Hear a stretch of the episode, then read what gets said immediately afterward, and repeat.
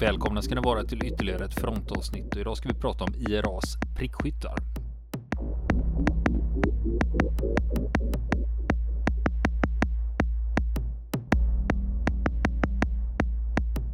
Har du Niklas, nu ska vi prata Nordirland. Ja, här kastar vi oss från det ena till det andra verkligen. Gör vi ena, ena veckan är vi på östfronten och sen andra är vi på Nordirland. Ja, ja det har hänt grejer. Vi har ju aldrig berört ja. Nordirland, vad jag Nej. kan komma ihåg. Nej, det har vi inte gjort. Och det var ju väldigt, vi som har rollen inne, vi minns ju de här rapporterna på tv, att det hände grejer. Och jag minns att jag tänkte när jag var yngre att ja, men det där med Nordirland, protestanter och katoliker, det, och de kommer, det är ju som palestinier och israeler, de kommer aldrig liksom att eh, komma någon vart med det. De kommer ju att vara fiender för evigt. Va? Ja, just och hur ska man få slut på stridigheterna liksom? Ja, det kändes ju inte som det var någon ände på det när det var som värst där på 70 det var ju så, det var ju, det var ju inte liksom i närheten av någon försoning va? Nej. Och det förekom ju väldigt mycket grymheter och eh, våldsamheter. Ja, och det är ju, det är ju, och det, det är ju man, man, ska ju inte förneka heller att det här etnocentriska perspektivet som man kanske har då, ja du vet, jordaxeln rakt inom huvudet där man står och så vidare och blickar ut över världen själv. Att, att det är ju något speciellt när du ser att det här pågår i ett, i ett land i, väst, i Västeuropa med människor som ja, ser ut som en själv och kanske som man upplever kanske på något sätt delar någon slags ja, kulturella likheter med en själv och så vidare. Och så är det fullt krig och liksom ett, ett bottenlöst hat som du inte riktigt kan förklara i rationella termer. På något Nej. sätt. Och vi är ju journalister och vi, när man pratar om nyhetsvärdering så brukar man ibland prata om det med kulturell geografisk närhet. Och det mm. finns det ju faktiskt här. Ja, det är ju det, det, är ju det, det, är ju det som gör liksom i, som man säger i nyhetsvärlden då, att en, en bilolycka, en trafikolycka i Sverige blir en större nyhet än en, än en eh, sjunken färja på Filippinerna till exempel, för att det ligger närmare oss. Och, liksom det är cyniskt, men det, det, det är lite så vi fungerar som människor också. Ja, men, ja, jo, men det blir lite så ja. att om någon, eh, om någon har fått en smäll på käften precis utanför min port mm. så reagerar jag ju starkare på det än om någon har blivit skjuten i en förort i Stockholm. Ja, ja visst, precis. Så det är ju lite samma. Det är närheten där, där liksom. Ja, precis. Närheten och möjligheten att identifiera sig med eh, det som har hänt. Som gör hur mycket ja. som tränger, i, tränger fram till en och spelar på en känsloregister och så vidare. Mm. Och lite grann så var det ju med Nordirland på, på sätt och vis när man såg det här på tv. Jag menar det var ju något helt annat än Vietnam, ett krig i djungeln och sen det här då liksom en, i en uh, stad, Belfast, som mm. ligger väldigt nära oss. Ja, jo det, det stämmer. Jag, har du varit på Nordirland? Jag har inte varit där faktiskt. Nej, inte jag heller. Men eh, ju mer jag läser om det desto mer, det blir ju alltid lite så, så fort jag nördar ner mig i något så blir jag sugen, fan vad roligt det hade varit att åka dit och kika liksom och kunna se liksom, aha, det var så det såg ut, för du upplever ju saker på ett helt annat sätt när du har stått där. Mm, just det, jag har varit, det närmaste jag har varit Nordirland är Liverpool. Ja, jag har varit i Manchester.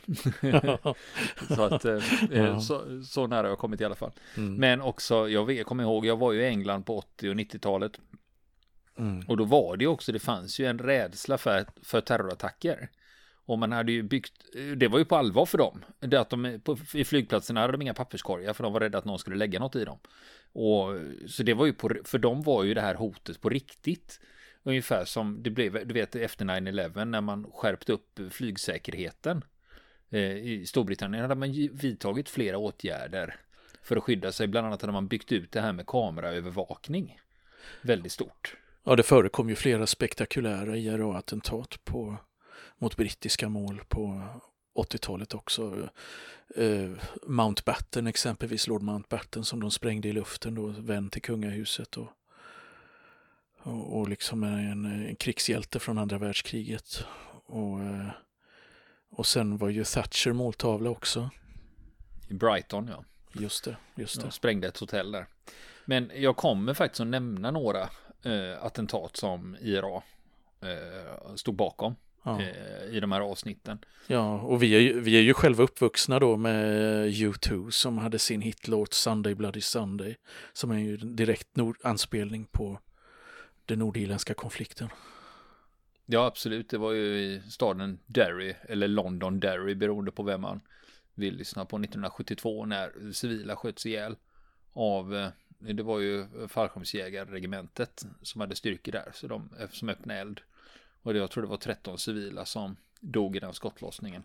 Just det. Men nu ska vi prata om eh, prickskyttar. För det var en metod som eh, IRA tillämpade i Nordirland. Och då var ju måltavlorna var ju brittiska soldater och eh, den lokala polisen. Och den lokala polisen, jag ska, den heter ju, hette Royal Ulster Constabulary på den tiden och förkortades RUC, RUC. Så när jag säger RUC så är det den lokala polisen vi menar. Mm. Vänta ett tag nu. Också... när, när, du, när du säger prickskyttar också, för, alltså det, det är ju lite intressant för att det som eh, man tenderar till att komma ihåg från den här konflikten, i alla fall som jag mest kommer ihåg, det är ju sprängladdningarna.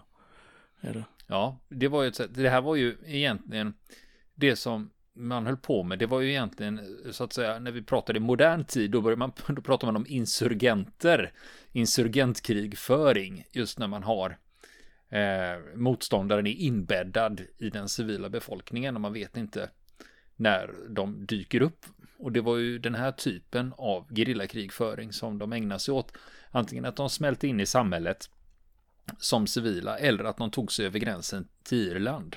Så antingen kunde de komma över gränsen från Irland och hitta på någonting och sticka tillbaka.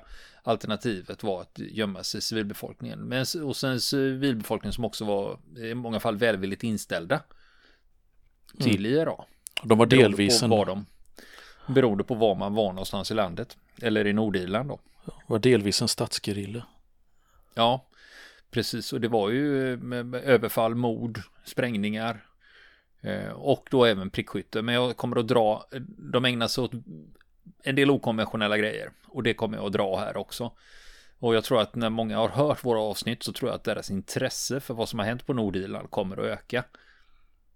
För ju mer man gräver i det, desto mer intressanta saker hittar man. Ja, och otäcka. Mm. Ja, det är fruktansvärd grymhet eh, under det här kriget. Eh, för, för krig, eh, jag vet man kan, man kan inte kategorisera det som något annat. Britterna själva kallar ju det här för the troubles.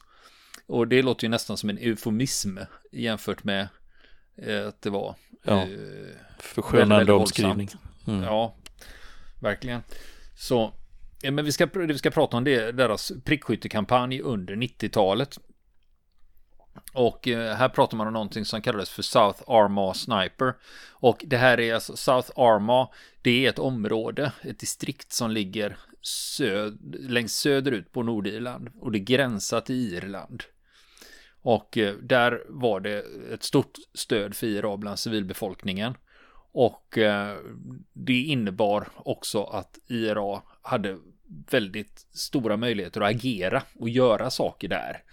Samtidigt som det gränsade till Irland, vilket gjorde att de kunde sticka över, över för att komma undan kunde de sticka över till Irland då. Över gränsen. Eh, så att eh, det gjorde att eh, det var, det finns en bok som har tagit vara på ett smeknamn som beskriver South Armagh. Och smeknamnet var Bandit Country. Och det är skrivet Skrivet av en, av en journalist som heter Toby R. Harnden. Och eh, mycket av det jag kommer att berätta här är från hans bok Bandit Country. Där han beskriver mycket om vad som skedde i det här området under den här konflikten. Mm. Är det ett historiskt namn alltså som går tillbaka före eh, nej, den här konflikten? Nej, eller? nej utan det har, med, det har med det här att göra. Va? Eh, det har med den här konflikten att göra. Och de här, när man så, säger då South Armor Sniper, eh, det, det, begreppet syftar alltså inte på, på en enskild person, utan på en serie skjutningar som inträffade i det här området. Och det var medlemmar i Provisional IRA och deras eh, Arma Brigade. Och den här perioden jag ska prata om, det är 1990 till 1997. Och den här kampanjen då, den här prickskyttekampanjen de genomförde där, den är känd för att de använde 50 kalibers prickskyttegevär. Alltså Barrett M82 och Barrett M90. Och det är ju enormt kraftfulla vapen. Va? Från början tog man fram det för det skulle kunna slå hål på lätt pansar och sådär. Så när man använder det mot personer så är det ju ett fruktansvärt vapen. Och det har ju använts eh, som prickskyttevapen i senare konflikter med Irak och Afghanistan och sånt. Med dem. Vi har ju bland annat pratat om de som håller världsrekord i, i avstånd när det gäller prickskytte och då dyker de här 50 kalibers vapnen upp ibland då. Men om vi då ska ta lite bakgrund på det här, det är ju oroligheterna i Nordirland och vi kommer inte att dra hela storyn här va. Eh, för det är alltid så, så fort du ska berätta om en konflikt så började ja men det berodde på det, ja och så var det det och så hände det under andra världskriget och i mellankrigstiden hände det här och sen var det första världskriget och då hände det här. Så att eh, när man väl drar storyn så hamnar man ofta väldigt långt, långt bak i historien då va. Men i grund och botten bygger det här ju på att Storbritannien hade ju koloni, kol, kolonis, kolonialiserat, eller koloniserat, vad säger man? Koloniserat. Ja, de hade ju koloniserat Irland, men sen hade de ju lämnat ifrån sig Irland så det blev en republik, men man behöll Nordirland. Ja, det var 1920-21 där. Ja, och då är det så att Irland blev en självständig republik och Nordirland finns kvar under brittiska kronan. Och då har man ju en blandad befolkning, för dels har man ju då anhängare till Storbritannien och sen har man då anhängare som vill att Nordirland ska bli irländskt. Mm, det fanns ju en religiös klyfta där också. Just det, för de anhängarna till Storbritannien var ju protestanter och de som var anhängare till Irland då var ju katoliker. Och det fanns ju motsättningar i, mellan de här grupperna. Och det var ju framförallt eh, då eh, den här konflikten, The Troubles, blossade ju upp då 1969-1970. Och eh, då var det problem och motsättningar, det ledde till oroligheter. Och det var ofta att katolikerna missgynnades ekonomiskt och politiskt finns till exempel ett sånt exempel. Eh, det var att eh, eh, protestanterna använde sig av en taktik när det gällde valfusk. Det vill säga att när du hade ett område när, där det bodde protestanter, då delar man in det i fyra valkretsar. Och det området där det bodde katoliker, det fick vara en valkrets. Och sen när man då räknade ihop rösterna så var det antalet valkretsar som vann då. Va? Så det gjorde att det var ju, oavsett hur många katolikerna var, så kunde de inte vinna Eftersom man hade ett valsystem då som var riggat så att säga. Det här fusket med valkretsar, eller man, kan man säga, eller trixandet med valkretsar, det känner man ju igen från amerikansk politik också. Där, man, där har man ju ett eget ord för det som gerrymandering, då, där man ritar om valkretsar för att det ska passa det egna partiets syften, vare sig man är demokrat eller republikan. Mm. Och, ja, det är ett sidospår, men det är ju inte, det är inget okänt fenomen det här. Mm. Sagt. Men, ja, och sen mm. när vi då tittar vilka det är som agerar här i, om, i Nordirland vid den här tiden.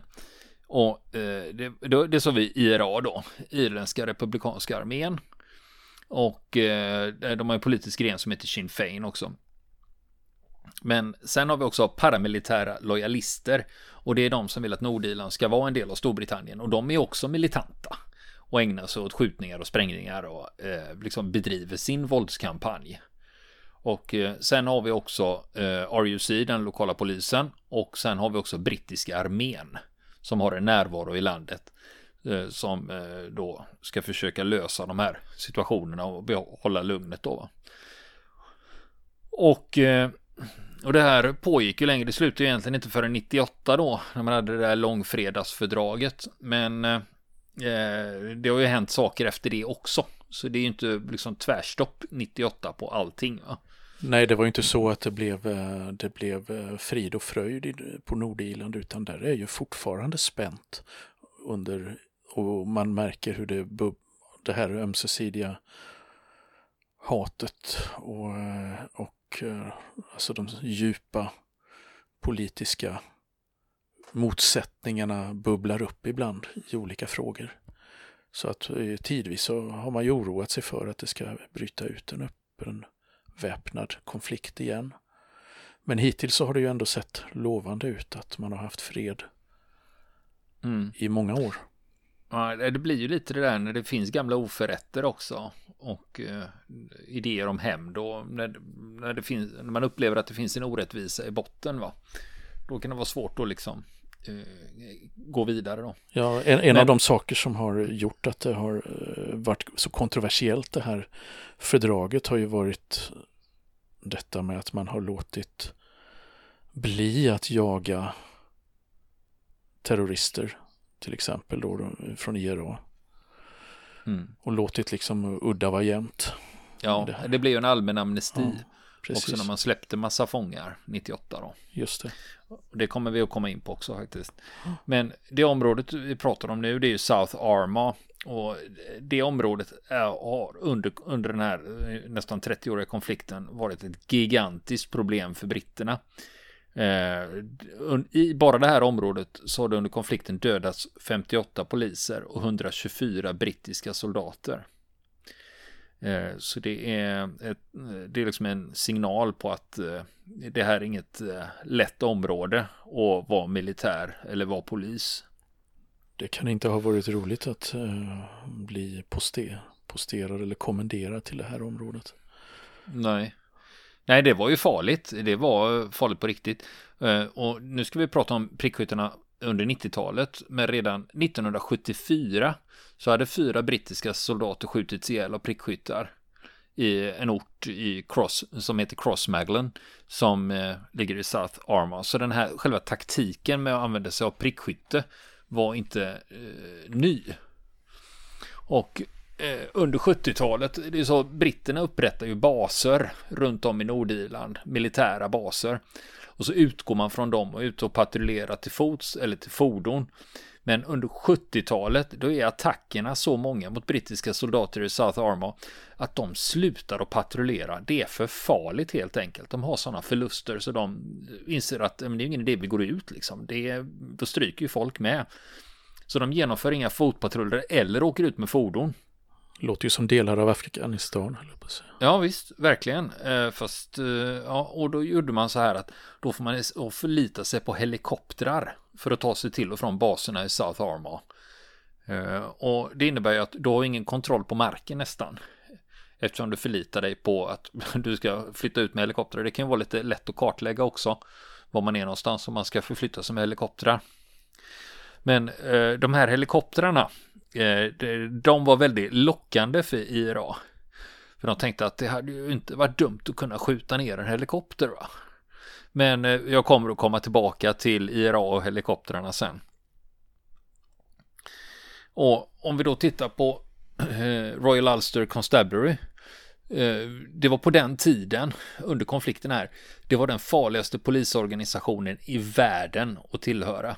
För under den här konflikten så dödades 300 poliser och 9000 skadades. Så det var inte ofarligt att dra på sig en polisuniform i, på Nordirland på den här tiden. Nej, myndighetspersoner var, alltså, var måltavlor. Ja, och det är ju faktiskt om man ska titta på krigsreglerna, krigslagarna som styr det här. Så poliser som bär uniform räknas ju som kombatanter faktiskt. Så för IRA tyckte de att poliserna och militärerna är legitima mål. Men eh, just RUC, de har faktiskt bytt namn. Eh, 2001 gjorde de det. Eh, de bytte namn till Police Service of Northern Ireland. Men i, under det här avsnitten som vi kommer att köra nu så kommer jag att kalla dem för RUC.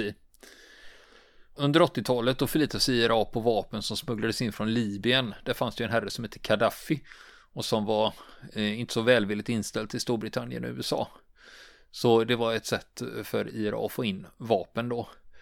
Och tidigare hade man fått in vapen från eh, USA, men eh, det avbröts i stort sett helt 1981. Eh, och då var det en vapensmugglare vid namn George Harrison, som inte har med Beatles att göra. Men han greps av FBI och då blev det svårt att få in vapen. Och sen... Var det han var som var spindeln i nätet här då, liksom, i den amerikanska? ja, det var en vapensmugglare då som försåg IRA med, eh, med vapen och han åkte fast och då sinade den tillgången därifrån då. Men det fanns fortfarande viss smuggling från USA fortfarande. För eh, det finns ju på vissa håll i USA så är det ju lite liberalare då med vapenförsäljning och sådana saker. Och då var det en medlem av IRA, Martin Quigley. Han hade rest över till USA för att plugga på ett universitet i Pennsylvania. Och han lyckades smuggla ut en Barrett eh, M82. Och det gjorde han 1989. Eh, och Barrett M82 det är ju 50 kalibers automatgevär. Eh, med 10 skott i magasinet. Och när jag säger 50 kalibers, det är 12,7 mm kulor då.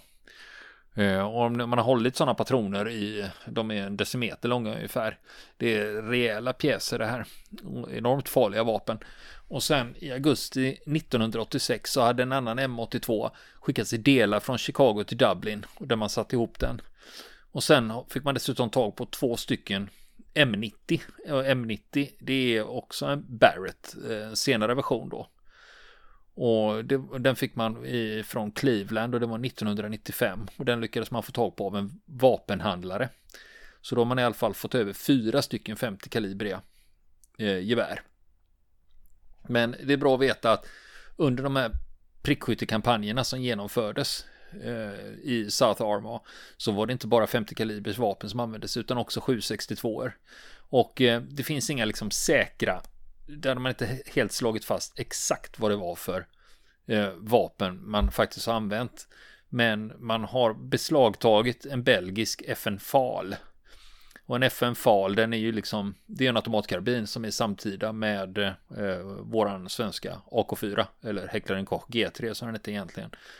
Och eh, sen hade man också faktiskt fått tag på ett eh, riktigt prickskyttegevär eh, och beslagtagit det av IRA under den här perioden. Och det var en Häcklaren Koch PSG 1. Och det är ju så att säga prickskytteversionen av Häcklaren Kochs eh, G3. Då. Så britterna misstänker att eh, de här prickskytteaktionerna som genomfördes med 762 att man tror att det var antingen en FN-fal eller också Häcklaren Kochs eh, PSG 1 då som hade använts för det. Och eh, sen var det också spekulationer kring de här dåden. För först trodde brittiska armén och även pressen att det bara var en prickskytt inblandad. Men det ska ha funnits minst två olika team. Eh, det en var ansvarig för östra delen av Arma och eh, den andra för västra delen. Så man hade två separata team som jobbade med det här då. Och det ena eh, var då runt eh, en ort som heter Crossmaglen och det andra teamet eh, opererade runt en eh, ort som heter Kallihärna. Och eh, den som ledde enheten i Kallihärna, han kallades för Frank One Shot McCabe. Och bara smeknamnet indikerar ju vad han höll på med. Eh, han var en ledande medlem av IRA. Och eh, man tror att varje team bestod av minst fyra medlemmar när de var ute och opererade. Och då räknar man inte in de som bistod skytteteamet, till exempel de som spanade efter mål eller körde fordon. Så ofta kunde det vara stora team som var ute och rörde på sig när de genomförde sina aktioner. Och brittiska armén, eh, de uppgett att eh, ett av de här skytteteamen, det som hade hand om östra Arma, de hade upp till 20 frivilliga under en del uppdrag i form av spanare och förare. Och, så det var liksom lite organisation Eh, det var en stor organisation alltså kring eh, de här aktionerna. Och skytteteamen la mycket tid och energi på att gömma sig från brittiska styrkor. Ja, det är mycket logistik inblandat som du säger. När, uh, inte bara liksom till och från målen och spaning och så vidare men även, även då uh, safe houses liksom kan jag tänka mig då. Mm. Och gömställen både för vapen och de här Vapen, fordon och personer. Team. Ja, precis. Ja, så att eh, eh, så var det. Om vi då ska ta lite statistik då. Eh, om vi nu tar den här perioden mellan 1990 och 1997. Då avfyrades 24 skott med prickskyttevapen mot brittiska styrkor. Och de eh, första mellan de första åtta, det skedde mellan 1990 och 1992. Eh, de missade sina mål. Så de första åtta gångerna som man använder sig av prickskyttetaktik så träffar man inte det man siktar på helt enkelt. Nu är det 16 mars 1990. Det är första gången en Barrett M82 används för första gången av IRA. Och målet var en checkpoint, det var som en vägspärr som var bemannad av soldater från Light Infantry Regiment. Och platsen heter Kesselblue Road. Och det skottet som avlossas från det här automatgeväret. Det penetrerar hjälmen på en soldat, snuddar vid kraniet, men han överlever med lindriga skador mot huvudet. Så det är första gången och du vet få en 50 kalibers kula genom hjälmen. Ja. Det, det är ju mer tur än något annat att han överlever det. Ja, verkligen med tanke på den otroliga energin. Ja. I en sån och sen i augusti 1992, då skjuts en soldat ihjäl. Och det var från samma regemente. Och sen fram till april 1997, då har sju soldater och två poliser skjutits ihjäl. Och en polis förlorade nästan benet under den sista prickskytteattacken. Så det är nio stycken som har dödats av prickskyttevapen i South Armagh under den här perioden. Men det är ju inte bara hur många som dödas utan det är också själva prickskyttehotet som ligger som en filt över deras verksamhet. Och det är ju det att man vill begränsa deras rörlighet. Och det har ju effekt för soldaterna och poliserna reagerar ju på det här. De här prickskyttebeskjutningarna. Men nu börjar vi med 1990 och eh, det är brittiska soldater som har utsatts för beskjutningar då i South Arma. Och britterna har en plan för hur de ska göra. Och det, de placerar ut en större infanteristyrka med förhoppningen att IRA ska slå till mot den då. Och det är inte bara prickskytte här utan man använder sig även av automatkarbiner, ofta AKM och eh, även kulsprutor. Och det är det man hoppas på vid det här tillfället. Man har placerat ut en större infanteristyrka. Då tänker man att ja, men IRA, de blir nog bra sugna på att slå till mot den. Men runt den här infanteristyrkan som har placerat ut 16 mindre grupper som ligger dolda. Och de ligger dolda i en ring runt den här styrkan. Och de ligger i bakhåll för IRA. Men IRA har genomskådat det här och fattat vad, vad som är på gång. Och genom spaning så har de fått koll på en brittisk fyramannagrupp som är sårbara. Så då bestämmer man sig, vi slår till mot den här fyramannagruppen som är en av de som ligger runt den större infanteristyrkan. Och då lägger sig IRA med ett skytteteam 350 meter från britterna och öppnar eld.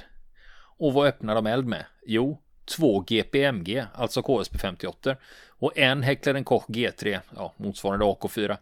Eh, den är i och för sig från Portugal, den här eh, G3 i och för sig. Så de öppnar eld med två kulsprutor och en automatkarbin på 350 meter mot britterna. Och britterna besvarar elden och eldstriden pågår i 90 sekunder. Och britternas gruppbefäl träffas i huvudet och stupar omedelbart. IRA drar sig tillbaka genom att AK-skytten, alltså han med G3, han kör nedhållande eld mot britterna medan kulspruteskyttarna rycker tillbaka med sina vapen. Och så återsamlas de vid sina fordon och åker därifrån. Och under den här 90 sekunders eldstriden, då har IRA hunnit avlossa 188 skott och britterna har fått iväg 128 skott. Så det är, förekommer sådana här intensiva eldstrider mellan IRA och de brittiska soldaterna. Men vi får inte glömma det här att det är inte, britterna åker inte bara på däng i South Armagh, utan det här böljar lite fram och tillbaka. Eh, 1990, samma år, då upptäcker en brittisk helikopter beväpnade män och det blir en biljakt. IRA-männen kör därifrån, de byter bilar flera gånger. Bilarna delar på sig, helikoptern följer efter en av dem. Till slut stannar bilen och tre IRA-män grips av tre soldater och två poliser. Men en folkmassa på 40 personer griper in och uppträder så hotfullt att soldaterna och poliserna ser ingen annan utväg än att släppa IRA-männen. De var rädda för att bli lynchade. Sånt händer ju faktiskt ibland, att eh, brittiska soldater och poliser blir lynchade. Men i sökandet efter det här, då påträffar britterna två AKM. Alltså, ja, det är ju en Kalashnikov-variant. Och så påträffar man också två GPMG, alltså KSP 58 och en G3. Så att man har viss framgång i det man gör också då. Alltså de, de här stri- prickskyttestriderna och eh, eh när de intensifieras då är det ju ganska sent i den här nordirländska konflikten.